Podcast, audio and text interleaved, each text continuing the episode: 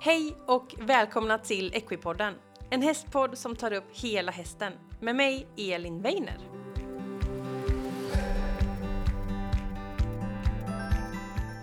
Hej alla Equipodden-lyssnare och välkomna till veckans avsnitt av Equipodden. Veckans avsnitt presenteras i samarbete med Polly Equine. Polly Queen är ett företag som tagit fram snygga och eleganta grimskaft. Grimskaften är tillverkade av rep som vanligtvis används som tampar till båt.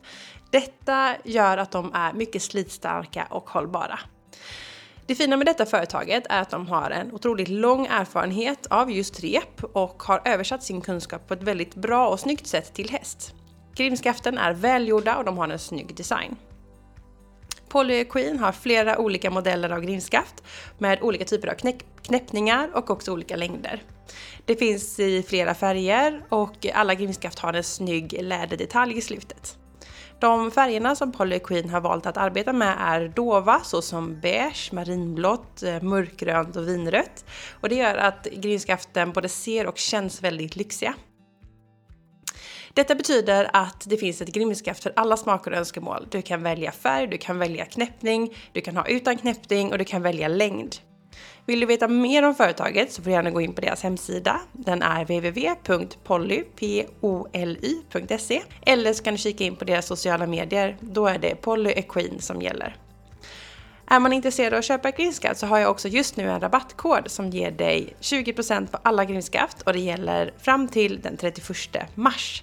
Så gå in, lägg eh, ett grimskaft i kassan och sen anger du koden Equipodden20. Allt med små bokstäver och precis som det stavas i kassan så får du 20% rabatt. Och nu till veckans gäst. Och det är Elise Lindman som arbetar som psykolog och idrottspsykolog.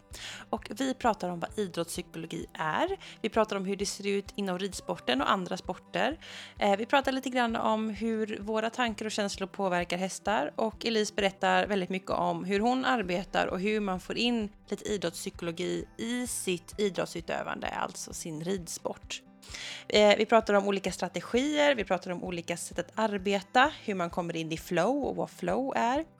Eh, vi pratar också om att ha en psykisk hälsa inom ridsporten och att ha ett hållbart idrottande.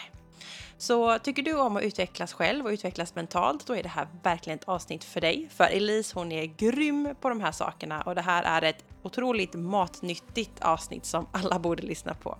Så här kommer veckans avsnitt av Equipodden.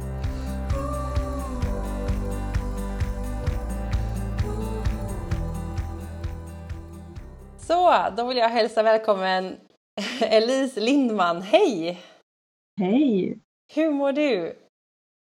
Jag mår bra. Solen skiner och det är en superfin dag i Västerås idag. Västerås, så. här är det molnigt i Göteborg. Eh, mm. Men inget regn och ingen blåst i alla fall. Så att, eh, det är man tacksam för om man är göteborgare. ja, ja, jag förstår det. Eh, och Elise, du är ju psykolog och idag ska vi prata idrottspsykologi. Eh, mm. Och eh, lite vad idrottspsykologi är och hur vi påverkar hästarna med saker vi tänker. Men också lite kring det här med att ha en hållbart idrottande. Det ska bli jättekul! Ja, det ska bli superroligt, verkligen. Men eh, du kan ju få börja med att berätta vem du är och var du kommer ifrån. Eh, absolut. Eh, det, det, är alltid en spännande fråga tycker jag det här, vem är du eller så. Men om man då ska börja lite mer så här om mina egenskaper så kan man väl säga att i grunden så är jag en, en person som kanske dels av, av erfarenheter men framför allt av, av min genetik är ganska rastlös. Mm. Eh, jag är eh, ambitiös och nyfiken och baksidorna eller så av de här egenskaperna är att jag är ganska nära till till oro och ångest. Mm. Eh, och nu tänker lyssnarna säkert eller så när man har slagit på och sett att åh, en intervju med en psykolog och så är det någon som inleder med att berätta att de har nära till ångest eller så. Men, men så är det för väldigt många av oss människor och jag tänker att vi kommer att prata vidare senare i podden, bland annat idag, om ångest. Och så. Mm. Mm. Men om jag ska berätta lite mer om hur mitt liv ser ut så är jag 27 år och eh, Idag bor jag i Västerås tillsammans med min sambo Robert. Och jag är då utbildad till psykolog och idrottspsykolog. Mm. och jag jobbar eh, på allmänpsykiatri, på en allmänpsykiatrisk mottagning här. Men sen jobbar jag också med eh, Riksidrottsförbundet eh, och SISU Idrottsutbildarna med ja, men i egenskap då av idrottspsykolog. Mm. Och jag jobbar också i eget företag med mm. idrottspsykologiska tjänster. Så. Just det. Och det som är intressant här det är ju att alltså, psykolog vet ju alla, det är en psykologutbildning. Men du har ju gått en speciell utbildning där du också blir idrottspsykolog, eller hur? Ja, det stämmer. Eh, det är en utbildning som jag varmt kan rekommendera om det finns lyssnare som själv känner intresse. Så det finns en utbildning i Umeå mm. där man går då det hederliga eh, psykologprogrammet, den femåriga utbildningen. Men det är med idrottsinriktning så att man blir alltså också utbildad idrottspsykolog mm. i den utbildningen. Mm. mm. Det är speciellt. Ja. Och ja. hästar och ridsport då? Hur, hamnar, hur passar det in i livet? Jo, eh, jag eh, är egentligen född kan man säga med ett väldigt starkt hästintresse och det har varit väldigt mycket hästar. Mm. Eh, idag så har jag en häst, en islandshäst som heter Hector. Mm. Som jag tränar och tävlar med. Och jag är också utbildad eh, domare inom disciplinen sport på islandshäst. Så att mm.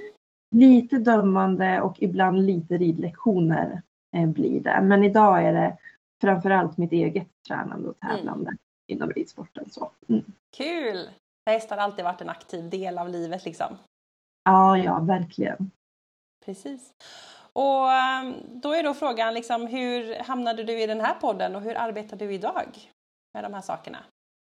Ja, eh, bra, eh, bra fråga. Eh, jag eh, är ju egentligen, eh, som jag nämnde lite kort så, eh, en, en he född hästtjej. Mm det finns som sagt berättelser om mina föräldrar som var ute och drog mig i, pulka eller sådär och, och gick förbi en hästgård och då eh, liksom, innan jag ens kunde prata fanns det ett oerhört stort intresse för hästar. på hästar. Um, så jag är uppväxt i Norrland. Mm.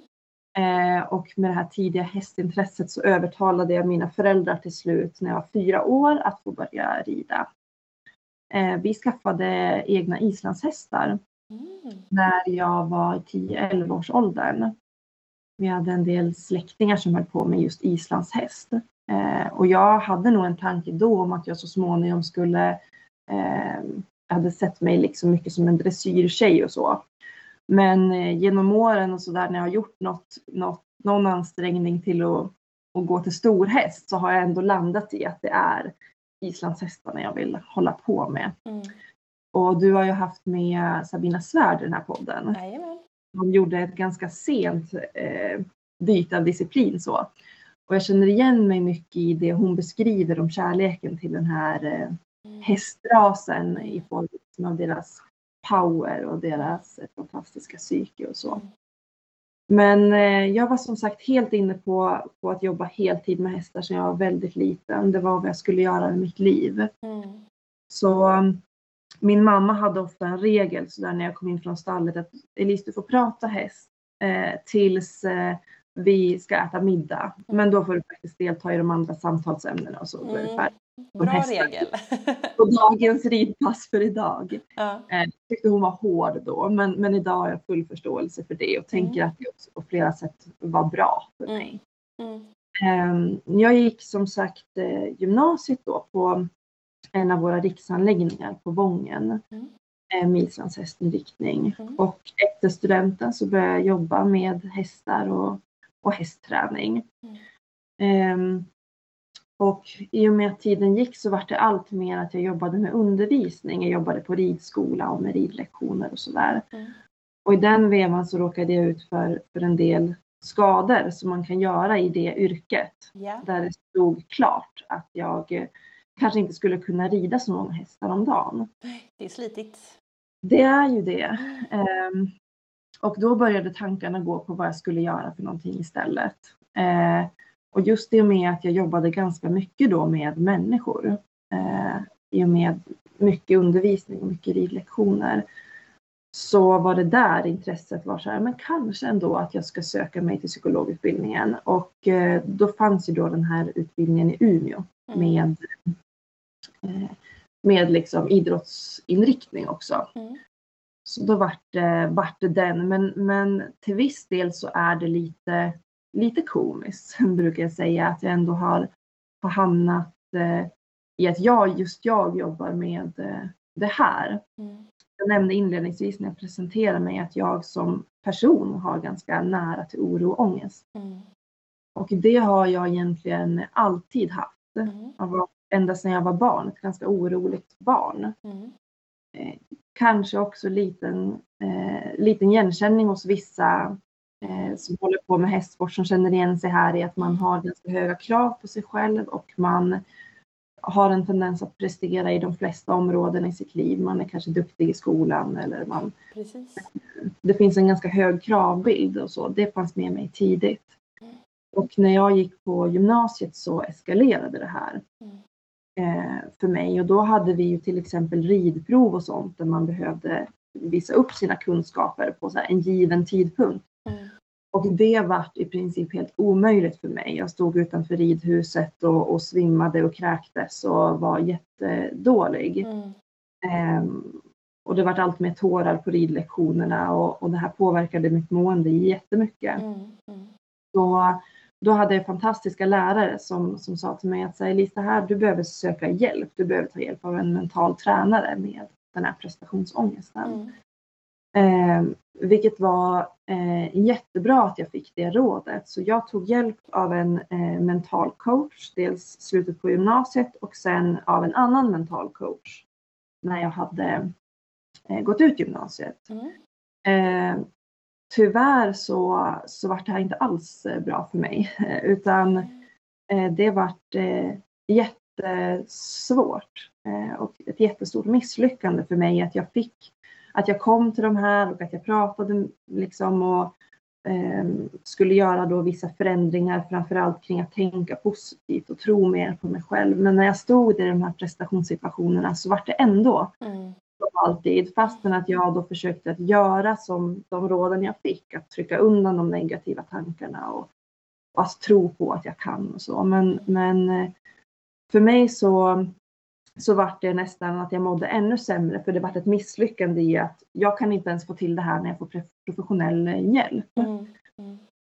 Så eh, under den perioden som jag eh, började fundera på psykologprogrammet eller så, så var jag också ganska tveksam för jag var lite så här, det här är inte riktigt mitt område. Eh, det här, här är inte liksom där jag brukar eh, få till det eller så. Men, men idag när jag ser i backspegeln så förstår jag varför att jag eh, inte fick till det eller så. Och jag vet att många går till någon någon mental coach eller har varit på föreläsning hos någon mental tränare eller så och känt att det har varit väldigt, väldigt givande. Ehm, men eh, jag kan också se varför det för en del inte fungerar. Eh, och till att börja med så kan man säga att man ofta i mental träning eller mental coachning fokuserar på något som jag brukar benämna som tävlingspsykologi eller Mm. prestationspsykologi. Mm. Ganska inriktat. Och eh, när vi då nu kommer till den frågan du ställde här också, så här, hur jobbar du idag? Mm. Eh, då brukar jag när jag pratar med eh, ridsportaktiva säga lite att om vi, om vi tänker oss att ni, ehm, att ni rider en häst som börjar få bekymmer kring prestationen. Mm. Alltså att det blir tufft på träning, hästen börjar bli nervös, den underpresterar, Mm. eh, den eh, alltså har, har förändrat det här beteendet eller att det funkar på träning men, men eh, hyfsat men sen på tävling så blir det bara spänt och jobbigt eller så. Då hade vi förmodligen sett det som förlegade metoder att så här, vi löser det här på tävling med att vi eh, sitter på skarpare sporrar Mm. eller, eller betslar upp eller lite sådär. Eh, utan man hade förmodligen sett det som att så här, det här är ett symptom Mm. på att någonting inte funkar. Mm. Mm. Eh, Så eh, förmodligen hade man gjort så att man hade börjat fundera på, på allting. När är det det inte börjar fungera? Man hade sett till, funkar det på hemmaplan men inte på tävling? Vad är det Mm. jag gör och vad är det Vad är det i det här som blir jobbigt för hästen? Mm. Mm. Eh, och man hade också förmodligen sett till hur äter den, hur mår den, hur Mm. är bullet, hur har den det med sina kompisar? Eh, men när det handlar om oss eh, och vi får bekymmer kring våran prestation, för det är ofta då det väcks en tanke att jag kanske skulle söka hjälp hos någon eller sådär. Det är ofta när man får bekymmer runt sin prestation. Mm. Då tänker vi att, eh, att det är just där och då man ska jobba bara. Mm. Ehm, så att generellt sett så brukar jag försöka tänka att så här, försöka tänka lite mer som du hade tänkt med din häst. Alltså ta ett steg tillbaka och se lite på helheten. Mm. Det som uppstår just i den prestationssituationen, Mm. det är snarare ett, ett symptom Mm. på att det är någonting som inte är bra. Det är någonting som inte riktigt stämmer. Eh, snarare än att det är det som är grundfelet. Utan det finns någonting i helheten. Mm. Gud, vilken intressant koppling. För det, alltså, jag känner igen så mycket där att vi tar alltid hästarna först. Eh, vi gör jättedjupa analyser, vi skriver dagböcker varje dag och funderar jättemycket. Okej, det här funkar inte, det här trendset funkar inte. Eh, det är när, och, och pratar man med sådana där tränare som löser problem då säger de ju ofta, ja men var börjar problemet? Ja men är det när jag sätter på transportskydden? Ja men då kanske jag ska göra det senare. Eller när hästen går på eller går av? Att man verkligen dissekerar problemet, men med oss själva gör vi inte det. Eh, jätteintressant att du tog upp det. Eh, kul att höra lite mer tankar framåt här i, i podden. Eh, jag tänkte att vi kunde börja lite grann om man aldrig har hört begreppet liksom idrottspsykologi eller idrottspsykolog. Kan du inte bara berätta lite vad det är och vad det innebär? Eh, jo, eh, det är ju en, eh, en eh, superbra fråga. Och jag brukar inledningsvis eh, när jag har föreläsningar eller workshops eller liknande eh, börja där. Och i Sverige så finns det en ganska tydlig tradition av att man pratar om just mental träning. Mm. Ehm, och jag känner också igen det ifrån mig själv att jag i någon period när jag hade det väldigt svårt med prestationsångest varit rekommenderad att gå till en psykolog eller liknande. Men jag var helt så här, nej men jag har ju problem med, med min prestation så att Mm. förmodligen är det snarare en, en mental träning. Mm. Och där tänker jag att idrottspsykologin det är egentligen allt runt en individ. Mm. Alltså det är eh, hela liksom bilden eh, och all form av psykologi där just prestationen eller tävlingen, idrotten eller satsningen är en del. Mm. ehm, är det. Så så brukar jag försöka att, att beskriva idrottspsykologi Mm. ehm, som en liksom grund. Mm. Ja. Och om jag är idrottare eh, och har lite problem med just kopplat till prestation eller kopplat till min idrott, då är det en idrottspsykolog man kan söka upp, eller? Ja, det är det. Eh, idag så tycker jag generellt att de som är utbildade idrottspsykologer eh, tyvärr ofta jobbar lite, eh, lite mindre med individer, ganska lite individualinriktade eh, sporter. Mm. Eh, det finns flera skäl. Det är ofta organisatoriskt Mm. att till exempel fotboll och ishockey och så, och så vidare så dels så finns det kanske mer ekonomi, det finns mer ekonomiska muskler och på förbundsnivå så är man lite bättre på att ta ansvar över att de här idrottarna ska få riktigt bra förutsättningar. Mm. Men individualidrott och ridsport, eh, absolut, där blir det ofta den enskilda individens ansvar. Just det. Eh, och, och där kommer ju också till exempel ekonomi att vara en fråga. Har man, har man råd eh, att ta hjälp och vilken hjälp har man råd att ta? Mm. Eh, och när man kollar på den eh, liksom, hjälp i form av mental träning som finns så finns det väldigt många bra mentala tränare och coacher som inte har någon utbildning. Men det finns också en hel del som eh, jag brukar säga man är väldigt duktig på att prata, man är kanske väldigt duktig på att skapa inspiration. Mm. Kanske inte har så mycket verktyg. Mm. Ehm, och lite så tycker jag att om man har varit på till exempel en föreläsning eller sådär eh, kring mental träning och kommer hem och känner att det är nu det händer, man är jätteinspirerad. Eh, och tänker att nu ska jag börja tro på mig själv. Jag ska börja tänka mer positivt. Mm. Liksom. Känner igen sen, det. ja, exakt. Och sen så inser man efter det att man sitter där ett par dagar senare och man bara Ja, vad, vad ska jag göra då? Ja, precis. Vad hände sen? ja, exakt. Vad hände sen? Och där är väl eh, kanske helt enkelt så. Jag tycker att vi som kanske är utbildade idrottspsykologer som fokuserar mer på verktyg och har kanske lite mer eh, konkret att komma med, vi är alldeles för dåliga på att nå ut Mm. människor Mm. eh, med det. Mm. Och så många som eh, kanske jobbar med mental träning är väldigt duktig på att inspirera, man är duktig på att prata, man är duktig Mm. på att få uppmärksamhet. Mm.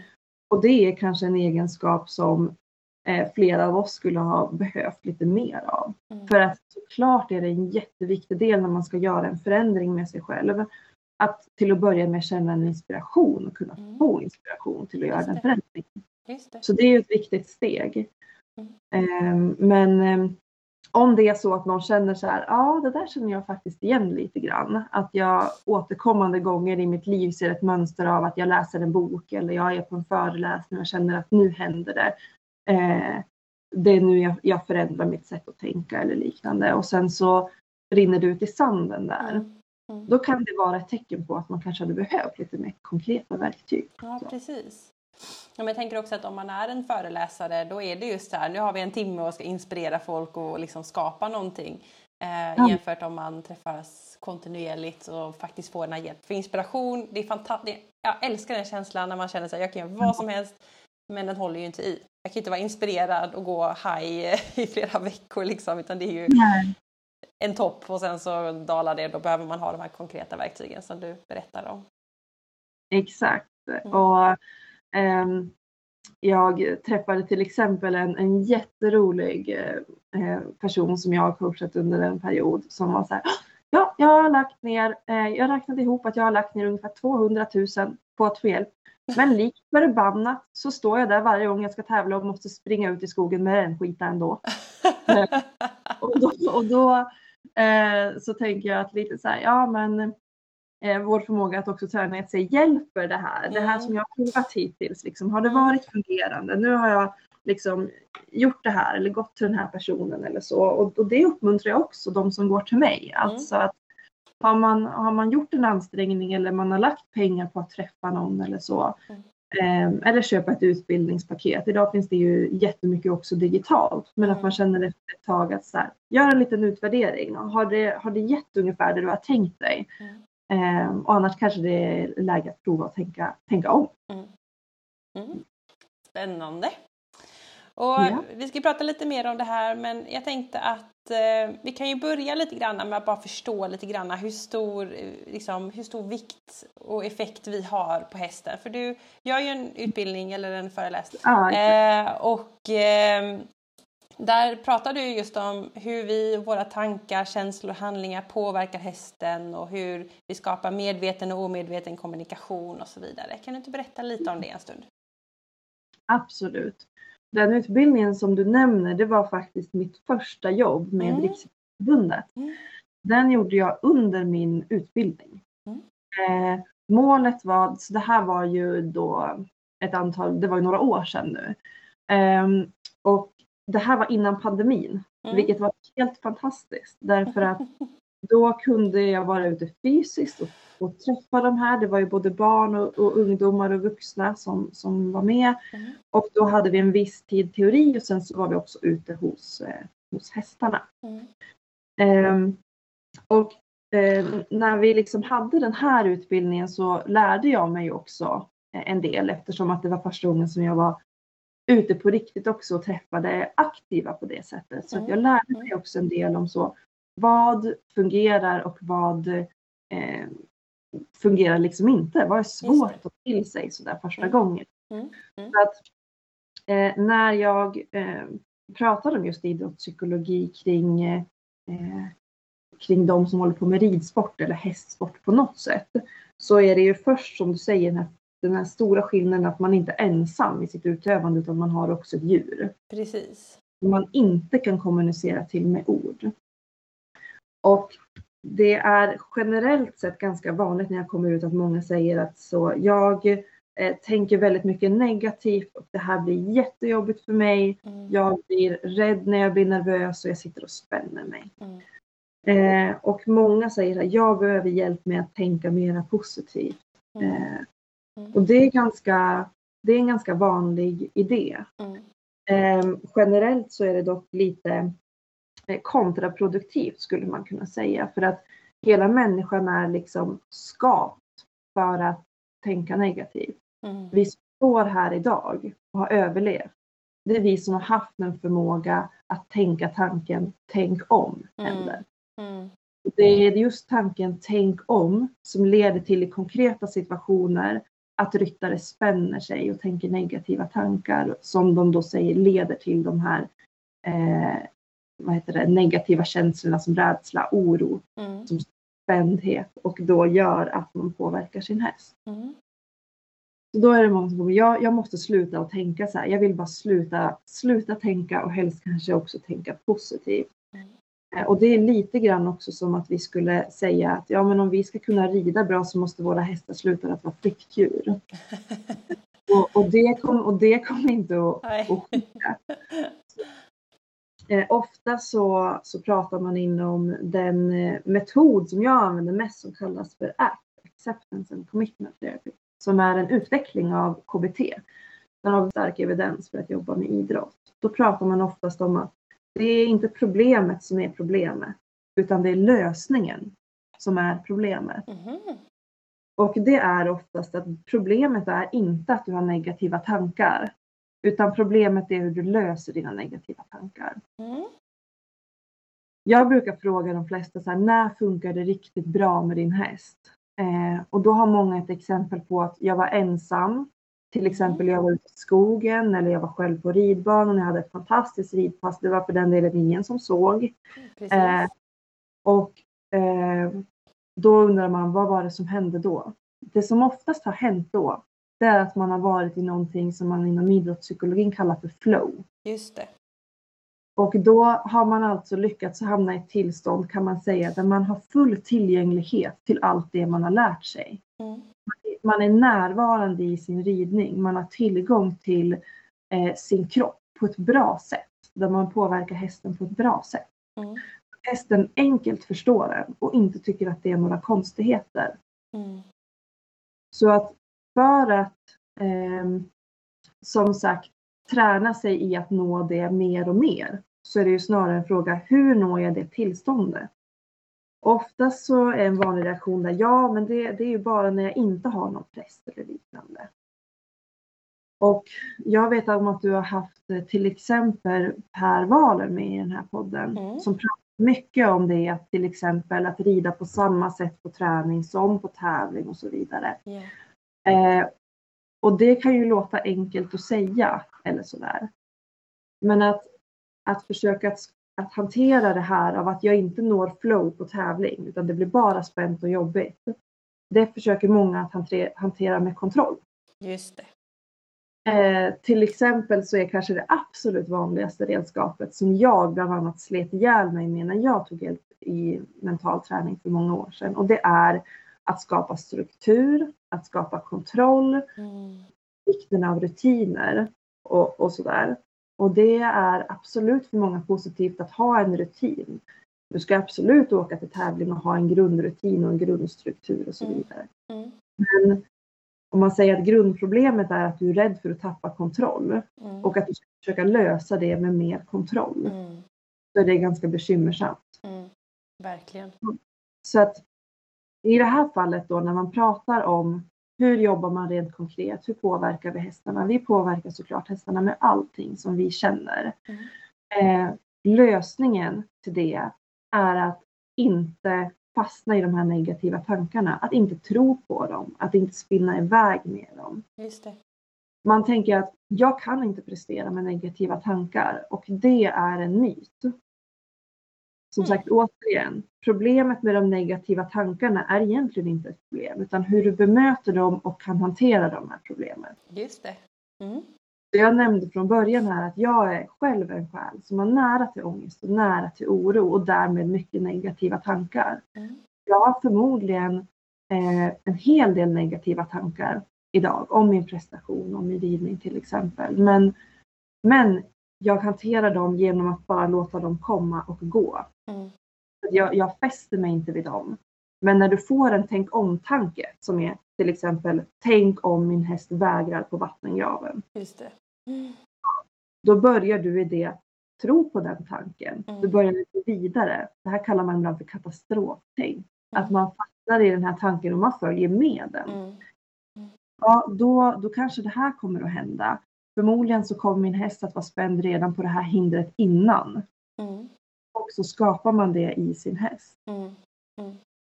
Det absolut första verktyget som ju också är kanske den svåraste nöten att knäcka med hästar, det är när man är runt hästar, det är att vara närvarande. Mm. Eh, att träna på sin närvaro och det innebär inte att du inte kommer att få tankar på tävling om tänk om det här eller det här händer eller på träning om att du sitter där och försöker vara närvarande men du tänker på vad du ska laga för middag när du kommer hem Ja, eller, precis. eller ett meddelande din kompis skickade till dig innan. Mm. Ju mer vi kan träna oss i att vara närvarande desto eh, bättre kommer det att gå för oss att nå vad man kallar för flow, att ha Mm. tillgång till det vi har lärt oss och det vi har tränat på i de situationer vi vill. Så, så när vi återgår då till din grundfråga, så här, hur, hur tänkte ni liksom kring den här kursen och så? Och då var det just det vi jobbade mycket med konkret. Det var många barn och ungdomar som var med. Och att träna att vara närvarande med barn och ungdomar, det är inte att rulla ut yogamattan och tända ljus och säga nu fokuserar vi på din andning. Eh, Utan det är snarare att kunna vara i sin kropp när tankarna rinner iväg. Mm. Alltså att lägga då fokus till exempel på hur känns mina fötter i stigbyglarna? Hur, hur känner jag liksom kontakten med sadeln? Eh, att också så, vad händer när vi spänner oss? Vi får en högre tyngdpunkt. Mm. Att hitta då ledtrådar till att sänka tyngdpunkten och så vidare. Mm. Eh, och jag var väldigt tveksam innan på så här, hur, hur kommer det gå? Det fanns ju vissa som, som kom med liksom sina hästar som var eh, super, eh, superspända. Mm. Eh, och jag har jobbat en hel del som ridinstruktör innan och då hade jag förmodligen eh, hanterat det här mycket mer med specifika eh, övningar. Ja, precis, det klassiska. Det klassiska. Mm. För mig var det ganska bakvänt att så här, här ska jag bara prata om ryttaren. Och hästarna, alltså jag upplever att hästarna gick mycket bättre än hur de brukar göra när jag har då träffat ridelever och fokuserat på övningar. Eh, Spännande. Så att framför allt barnen eh, tog till sig det här väldigt väl. Eh, och mm, ibland gjorde vi så att vi träffades då till exempel flera gånger. Eh, och då kunde det till och med eh, hända, det var ett barn till exempel, en väldigt ung kille som, som eh, kom på ett hinder och sen så rev hästen hindret och så sa han det att han bara, jag tappade helt kontakten med stigbyglarna. Mm. Men det var där hans fokus var. Hans fokus var inte alls på vad han hade för tänkt för tankar innan. Mm. Ehm, Så det var en jättespännande erfarenhet Mm. eh, med de kurserna som vi hade. Sen var det pandemi och efter det har, vi, har jag dels haft an, en hel del andra utbildningar och, och liksom, eh, saker som jag jobbat med åt SISU. Men, men just den första, första kurserna vi körde kring det var jättespännande. Ja men verkligen intressant. Jag tycker det var ett kul att du tog upp just det här med någon som tappar stigbygeln där. Eh, Man kan ju titta ibland på TV när de hoppar, eh, de här bästa i världen, och då kan de ju tappa en stigbygel. Eh, Och det som jag alltid har tänkt på det är ju det här att de, jag själv hade ju så här, åh, försökt att greppa den igen och liksom Ja. hålla på med foten sådär. Eh, Medan de gör ju inte det. Nej. Utan det är liksom, de hoppar färdigt och sen så när det är en transportsträcka, då bara jätteenkelt för då är de ju liksom då är de ju i sitt flow så att de Ja, har det här fokuset att jag ska klara den här kombinationen eller de här hindren. Sen Mm. kan jag ta stigbygeln igen. Mm. Istället för att tappa fokus och vara där så här, ah, ta den där och då kommer det inte bli så bra och då kommer hästen säkert driva. Eh, Så om man då skulle göra en liten analys på vad som händer för dig där. Mm.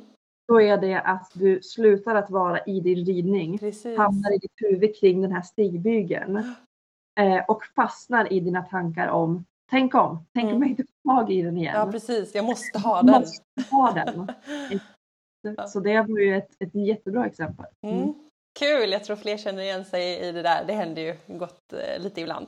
Eh, Ja. Och just att vara i sitt flow istället och liksom vara i nuet och fokusera på rätt saker. Mm. Ja men verkligen jätteintressant och eh, det här är ju ändå i hästvärlden ganska nya saker vi pratar om. Eh, Det pratades Ja. inte så mycket om för ett antal år sedan och det här behövs ju mer kunskap eh, spridas. Ja. Eh, jag tänkte att eh, vi skulle gå vidare lite granna och eh, vi pratade lite innan vi började spela in här och du berättade att du brinner en hel del om psykisk hälsa och ohälsa kopplat till idrotten och det här med att ha ett hållbart idrottande. Och det jag tycker om lite där är att du väljer att säga också hälsa och inte bara ohälsa. Det är så lätt att vi pratar om psykisk ohälsa i samhället hela tiden men det är också viktigt att prata om psykisk hälsa. Kan du inte berätta lite om det här? Eh, jättegärna. Eh, när jag får förfrågningar idag om att prata med liksom, föreningar eller sådär, komma och ha föreläsning så är eh, den vanligaste önskan de har, det kan inte du komma och prata prestationsångest eller så. Mm. För det är som sagt återkommande. Man tänker att när det blir problem runt prestationen, eh, då är det där vi behöver hjälp. Och då Mm. brukar jag säga att det kan jag absolut göra. Eh, vi kan absolut prata om prestationsångest, men gärna på ett villkor. Och det är att jag får prata lite grann om psykisk hälsa också. Just det. Ehm, och, eh, och det gör mig glad, för den kompromissen brukar, som, brukar jag som sagt ändå få göra. Ja. Eh, jag tycker att det är väldigt roligt. Jag kollar ju mycket på OS nu, framförallt på alla intervjuer och så. Mm. Och, och där tänker jag att det märks att fler och fler av de här större idrottsstjärnorna som vi har, de har annat fokus än vad man har sett tidigare. Mm. Eh, och jag brukar prata en hel del om att, att idrott eller sådär, det ska inte vara så att psykisk hälsa är priset du betalar för att hålla på med din idrott. Just det. Mm. Och tidigare har det nästan snarare varit som att det är beviset på att du satsar tillräckligt hårt. Ja. Att du har det tufft, att du måste göra väldigt mycket avkall på saker, att du alltid måste tacka nej, du kan inte vara med och umgås eller, eller så. Och att, eh, att, att generellt också må dåligt och slita hårt. Mm. Det är lite så det ska vara. Eh, så jag brinner just för att, eh, att här, man kan både må bra och prestera bra. Mm. Och det gör mig väldigt glad att se att eh, det här faktiskt blir allt vanligare. Mm. Att det är någonting som man, som man liksom strävar efter. Mm. Eh, jag träffar ganska många i egenskap av idrottspsykolog, då, barn och, och unga och eh, vuxna runt dem som är lite här, eh, rädda och oroliga kring att många mår, eh, mår dåligt idag. Och där känner säkert flera igen att det är svårt att, att säga, är det verkligen så att så många mår sämre Mm. idag? Mm. Ehm, det kan också vara så att fler pratar om det och liknande. Just det, precis. Eh, och självklart så har ridsporten en utmaning i det här som alla andra idrotter. Jag tycker att det är lite besvärligt när jag eh, började träffa eh, idrottsklubbar och fick prata om det här gjorde lite research och insåg att man har tänkt att ridsporten är en ganska frisk idrott som är ganska fri från psykisk Just ohälsa. Mm. Mm. Ehm, och att det bland annat då ska vara för att man får vara ute mycket, man får ta i mycket och så liknande. Ehm, man får vara lite smutsig. Mm. Ehm, att det ska vara att man tänkt att det här är, det är positivt, det är en Mm. anledning att många mår bra i idrotten. Och det är det ju säkert, vi som håller på med hästarbete, att Ja. att det är eh, absolut en stor del av det hela. Men, men man har tyvärr sett i en del studier att eh, de idrotter som lite grann toppar när det gäller psykisk ohälsa det är till exempel ballett, gymnastik eh, och så där man mycket bedömer eh, kroppen, alltså bedömningssporten. Och ridsporten är också med ganska högt upp där. Är det. Och eh, det finns ju flera skäl egentligen till det här. Det finns lite dålig forskning på exakt vad det skulle handla om. Men när man också lyssnar på de som vittnar om att de har mycket ångest, eh, kanske vad man kallar för ångestbeteenden eller, eller så, eller ångeststörningar som till exempel ätstörningar eller depression och liknande. Mm. Så, så verkar det dels som att det finns en ganska stor jämförelsekultur. Mm. Alltså att även om man till exempel håller på med hoppning, eh, där man kanske inte är i en direkt bedömningssport, eh, så verkar det som att det finns en stor jämförelsekultur. Mm. Det är också en materialsport, mm. inte bara i vilken häst du har, utan det är också en materialsport i form av att det är mycket utrustning som krävs. Yes. Det är dyrt mm. att rida. Mm. Eh, och det skapar också eh, en liksom svårighet i det här jämförandet. Mm. mm. Eh, just utifrån att man, eh, man ser också mycket saker. Man ser många andra som man jämför sig med och det är alltid någon som har en dyrare hjälm eller en bättre sadel eller liknande.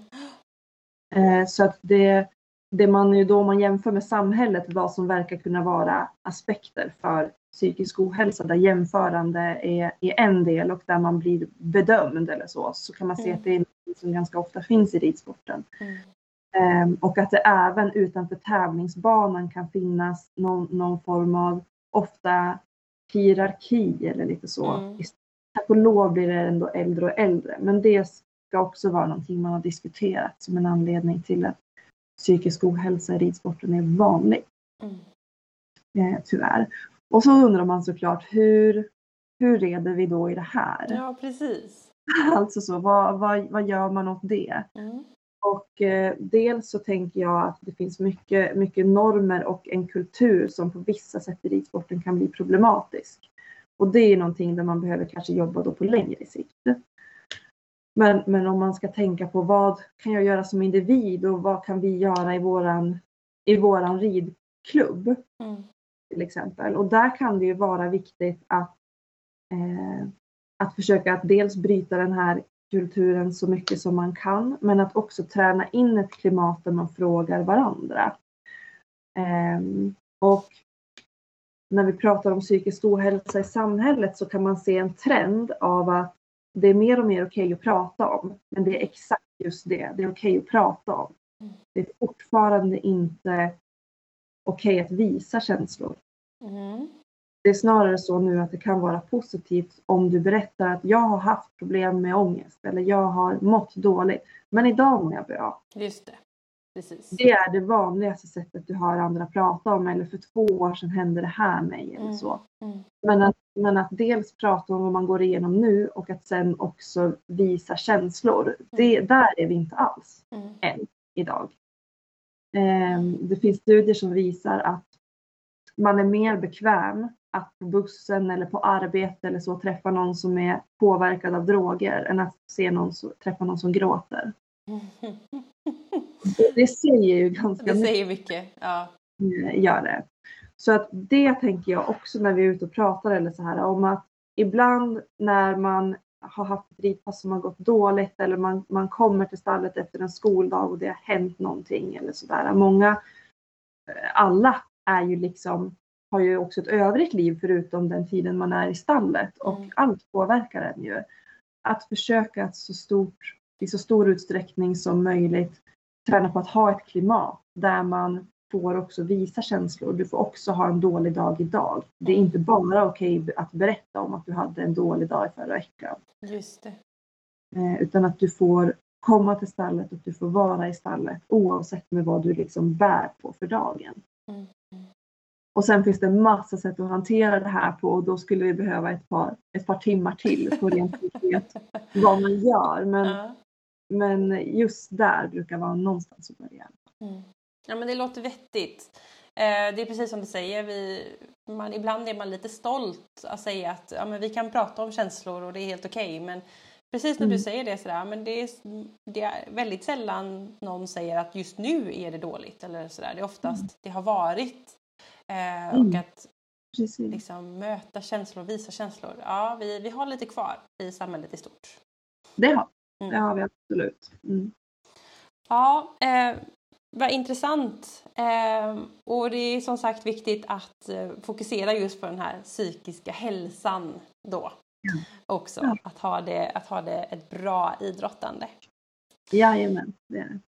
Eh, jag tänkte att jag skulle koppla tillbaka lite grann för vi har ju pratat om lite olika modeller och lite olika mm. eh, sätt att tänka och det här att ta hjälp och sådär. Eh, och jag tänker att om man känner att man känner igen lite det du säger. Du berättar själv att du är väldigt öppet och bra att du har haft ångest och prestationsångest och att det är många som vill ha hjälp med det. Mm. Om man känner igen sig i det här eh, och söker hjälp, vad, vad, förväntar man sig då? Och lite det här att du mötte ju några coacher som du sen kände inte funkade. Mm. Om man känner igen sig i det, hur ska man tänka då? Eh, ja, eh, jag tänker dels att när man ställer den här frågan är det också så här, vem, vem, vem säger vi det till eller så? För det är ju väldigt mycket lättare när man är en, en kanske vuxen person med en egen inkomst och lite, lite mer mm. liksom makt över sitt liv än om man är ung och, och skulle liksom lite så här, vad, vad gör jag? Där är det ju väldigt mycket, vad är mina föräldrar eller liksom vårdnadshavare beredda att, mm. att gå in med och beredda att stötta mig? Och, och, det är kanske väldigt mycket som handlar om vad man har runt sig som mm. kanske inte på samma sätt kan påverka. Mm. Men om vi nu utgår ifrån att man, man har möjlighet eller så mm. eh, att, att faktiskt påverka så tänker jag att eh, det finns supermånga där ute man kan gå till och, och, man kan be om hjälp. Och eh, oavsett vem det är så kan någon eller sådär funka jättebra för någon och det verktygen som de kommer med och det de pratar om kan kan vara jättehjälpsam för dig. Men ibland så behöver du kanske träffa någon annan. Mm. Mm. Um, och när, eh, när jag som sagt får den här eh, frågan om bara, men hur, hur jobbar du eller hur tänker du eller så. Mm. Eh, så brukar jag berätta lite om det när jag har möjlighet. Och där är det ofta så att man känner igen sig på någon del och så tänker man att ja, men just den där biten skulle nog vara det jag behövde hjälp med. Mm. Och då är det kanske någonting man kan tänka på när man vänder sig till någon, att man, att man berättar om det. Precis. Eh, nej, men hur jag brukar tänka med de som jag möter eller så. Och det kan man ju också säga så här, det här är mitt system. Mm. Eh, som jag jobbar utifrån. Och jag nämnde innan att jag grundar mig på ACT som mm. då är en Eh, en eh, behandlingsform som mm. har god evidens just inom idrott. Mm. Och inom ACT så jobbar man ganska mycket med någonting som man kallar för psykologisk flexibilitet. Mm. Och det är det positiva med mental träning, att många träningsinställningen till att jag behöver jobba för att kunna hantera mina känslor och upplevelser bättre. Det mm. tycker jag är fantastiskt mm. med det. Och psykologisk flexibilitet, det handlar just om att faktiskt eh, träna sin hjärna. Att bli mer elastisk, att bli mer flexibel. Eh, och i det eh, så brukar jag själv göra en pyramid. Det här känner ju många till som har hållit på med hästar. Det finns olika utbildningsstegar och sådär. Eh, men om man tänker oss en pyramid mm. Eh, så har vi absolut längst upp där uppe finns allt som har med prestation att göra. Mm. Och vi behöver börja absolut längst ner med basen. Mm. I basen så kommer man återigen till att som mänskliga varelser så har vi också grundläggande fysiska behov. Mm. Och grundläggande liksom, eh, psykiska behov också. Mm som alltså handlar om att, att jobba där uppe kring din prestation är helt irrelevant om du har en otrygg situation på något sätt i livet. Det. Och det kan ju handla om, om relationellt eller om saker som hur det ser ut med bostad och annat. Så att de, de grundläggande psykiska och fysiska behoven, där behöver vi kolla först. Eh, och då är det alltså saker som sömn och, eh, och liksom mat, att få i sig energi regelbundet. Mm. Ehm, och att ha någon form av liksom aktivitet i vardagen och så vidare. Och det har ju de allra flesta som man pratar med. Ja. När det gäller idrott så är inte det ofta bekymret. Så om vi då kommer liksom till steg två i den här pyramiden. Mm. Där tycker jag att ja, men absolut allra flesta jag träffar behöver börja och jobba och det är en del som jag kallar för identitet, värderad riktning och mål. Mm. Mål känner de allra flesta igen. Ja. Eh, många har tränat sig mycket i att sätta mål och så vidare. ja, pratar vi om hela tiden. Hela Mål och delmål. Mål och delmål, exakt. Så det i sig är inget nytt. Och att ha mål och sätta mål att jobba mot kan vara helt fantastiskt för många. Men om man lyssnar på eh, intervjuer eller läser böcker ifrån kända idrottare som har haft en lång karriär så vittnar de allra flesta om att det viktiga var i vägen till målen. Mm. Mm. Att, att uppnå de här målen var så oerhört kort tid av mitt liv. Eh, så att jag brukar säga att om du, eh, det finns en liknelse i en bok som är skriven av eh, två kollegor till mig som gick samma utbildning. Mm. Så finns det en jättebra liknelse för vad jag kallar för värderad riktning som kanske är viktigare än det här med målen. Och det är att om du är skidåkare och står högst upp på en backe och ditt mål är eh, en stuga längst ner, nedanför backen Mm. så kan man se att det finns en mängd vägar att ta sig ner. Mm. Det kan finnas en blå pist Mm. Som är liksom ganska trygg och säker till det här målet. Det kan Mm. finnas en röd pist med lite mer utmaningar. Det kan finnas en svart pist om man är riktigt våghalsig. Är Mm. mycket utmaning på sin väg. Eh, men sen kan det också vara att du kan kliva på gondolen och ta dig dit. Åka ner. Mm. Exakt. Eh, och om vi säger att vi under vårt liv eller så oftast befinner oss i de här backarna eller gondolen på väg till våra mål Mm. så är det kanske så att det är där vi ska lägga mer fokus. Just det. Och det är lite vad man kallar för värderad riktning. Hur vill jag leva Mm. när jag tar mig till mina mål? Och det kan ju handla om allt ifrån eh, jag brukar försöka säga så här, försök att göra det här så konkret som möjligt när du funderar på det. Eh, alltså på vilket sätt vill du ha relationer i ditt liv? Många säger till exempel, ja men för mig är det viktigt att vara ambitiös i min satsning. Och då säger man okej, men om du vill vara ambitiös på vägen mot dina mål, vad innebär det då? Mm. Mm. Och då kanske det innebär saker som att ja men eh, varje måndag klockan eh, liksom sex eller varje måndag har jag en tid till min fysioterapeut eller så. Mm. Som hjälper mig med min prehab eller rehab. Eller sådär.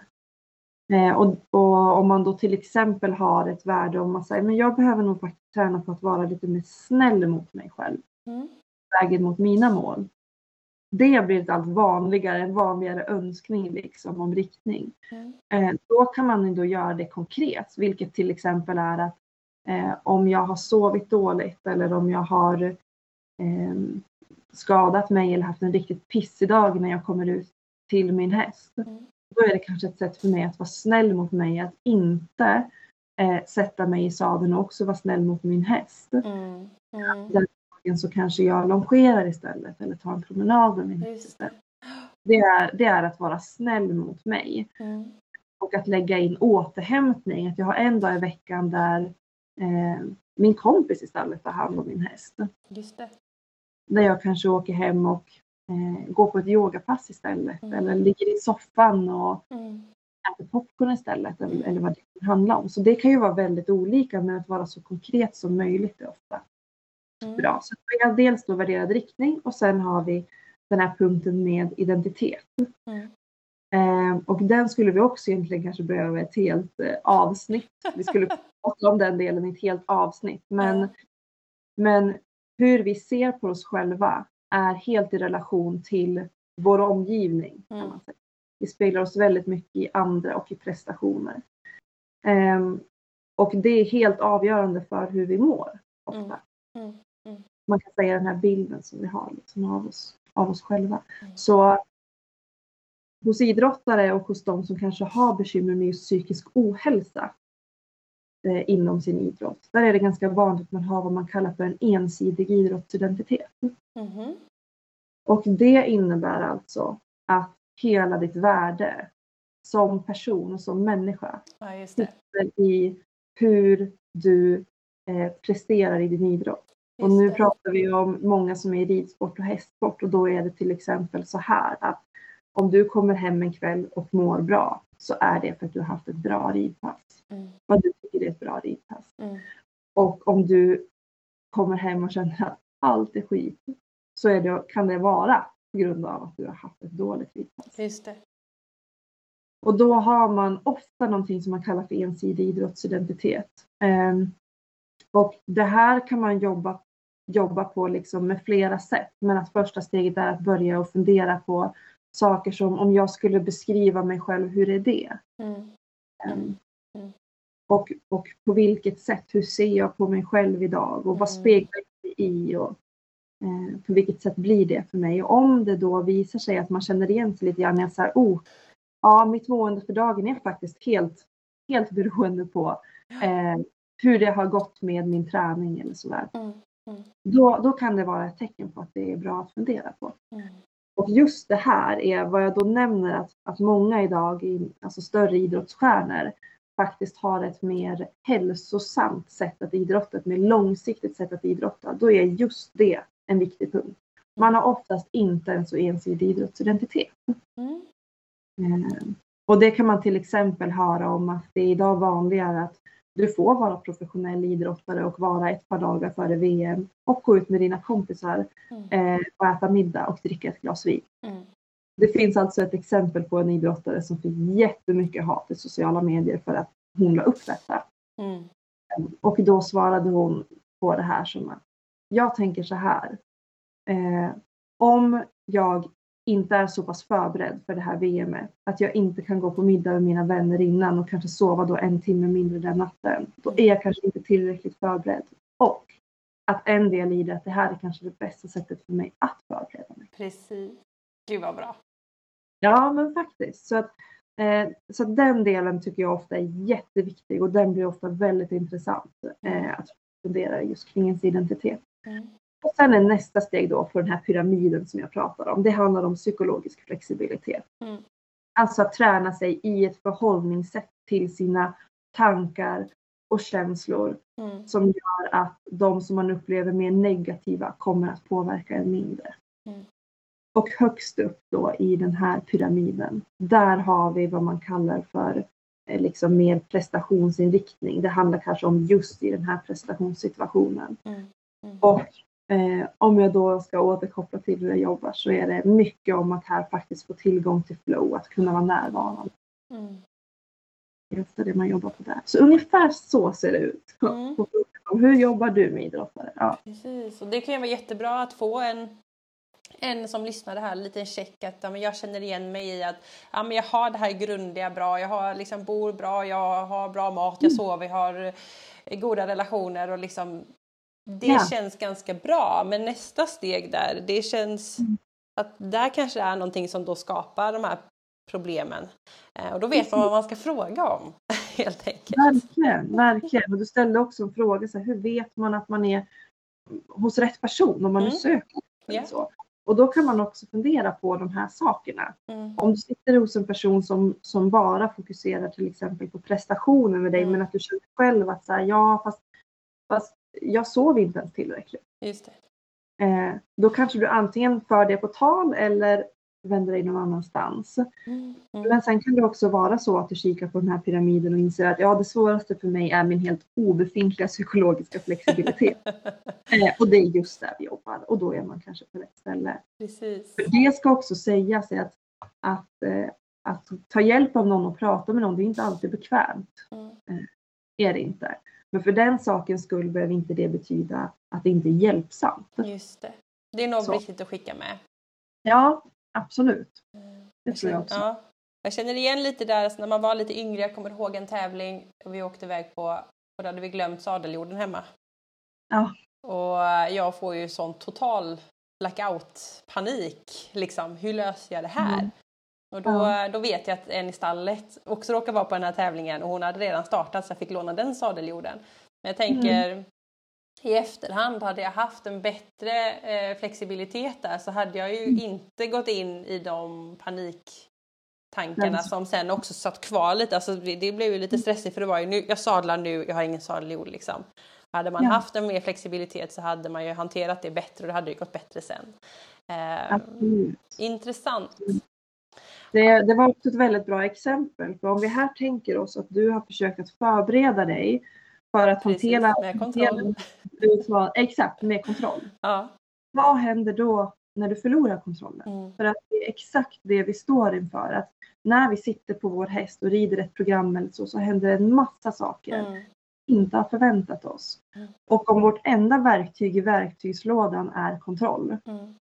Och, och vi hela tiden möts med alla de här situationerna där vi faktiskt inte har kontroll, Ja. då är vi ganska handfallna. Mm. Verkligen.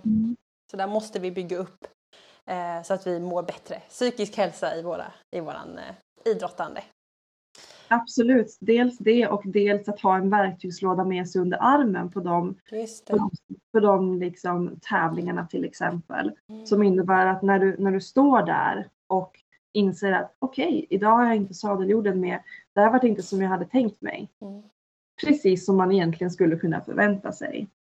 Eh, och då kommer det att komma negativa tankar om, tänk om jag inte löser det här. Mm.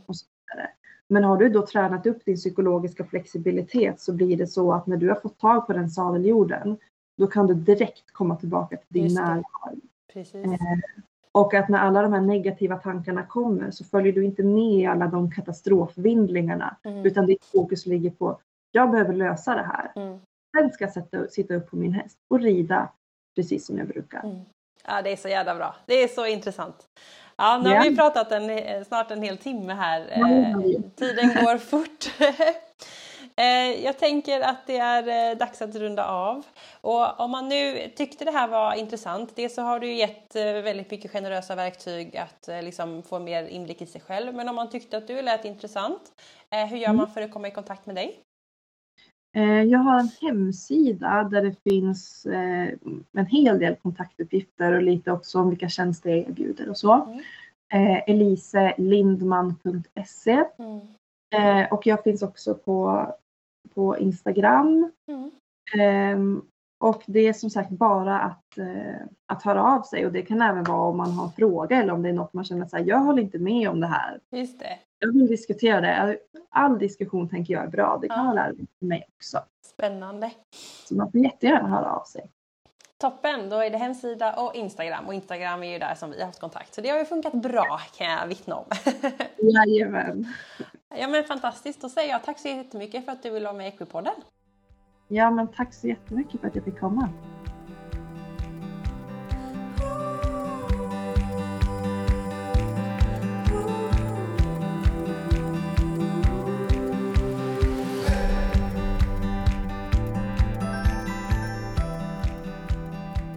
Alltså vilket jäkla bra avsnitt. Så fantastiska många härliga verktyg och Elison är ju så duktig på det hon gör.